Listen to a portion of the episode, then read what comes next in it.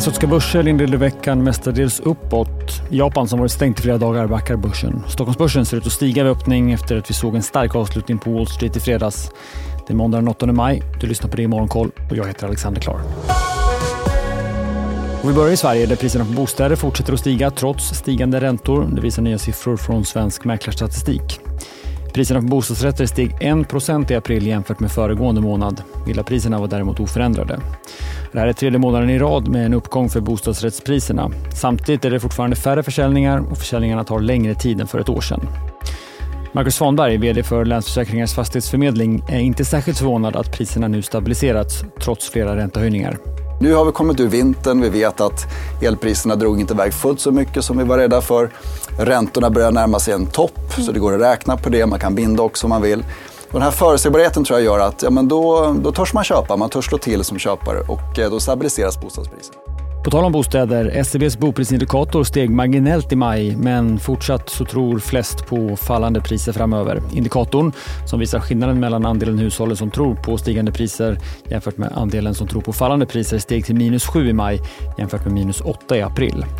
Av de tillfrågade så tror 31 procent på stigande priser inom ett år medan 38 procent tror på fallande. Låsiten Assa Abloy och det amerikanska justitiedepartementet har ingått ett förlikningsavtal för Assas stora affär med Spectrum Brands. Det gäller förvärvet av Hardware and Home Improvement-divisionen, ett förvärv som blev känt i fjol. Som en del av förlikningen kommer Assa att sälja MTech och Smart Residential-verksamheten i USA och Kanada. För att förvärvet ska gå helt i lås krävs också godkännande av mexikan. Hej, Ulf Kristersson här.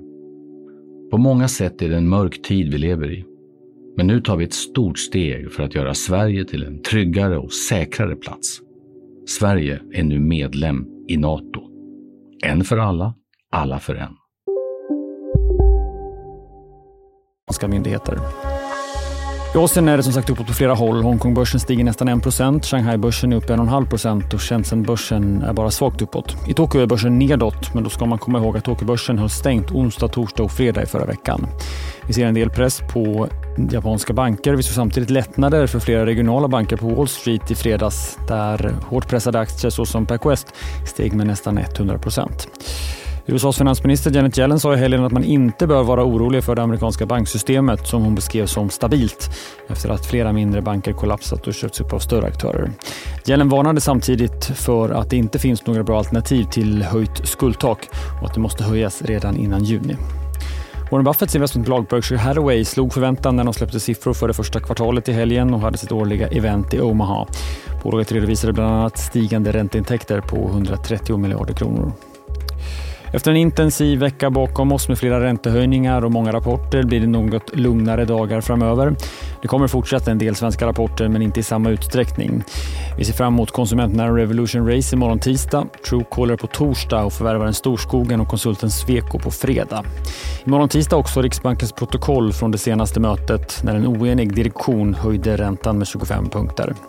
Höjdpunkten i veckan är troligtvis på onsdag då vi får amerikansk inflation som fortsatt väntas befinna sig kring 5 alla nyheter hela veckan på sajten di.se. Missa inte heller Börsmorgon med start kvart i nio eller lyssna på programmet som podd från klockan 11.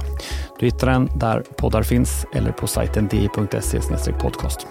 Morgonkoll är tillbaka igen imorgon. Jag heter Alexander Klar.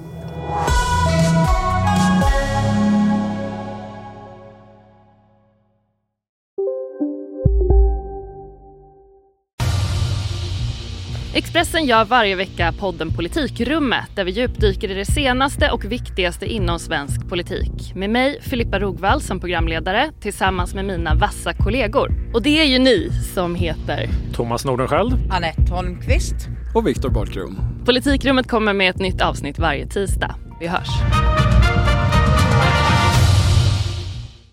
Vi är specialister på det vi gör, precis som du. Därför försäkrar vi på Swedea bara småföretag, som ditt.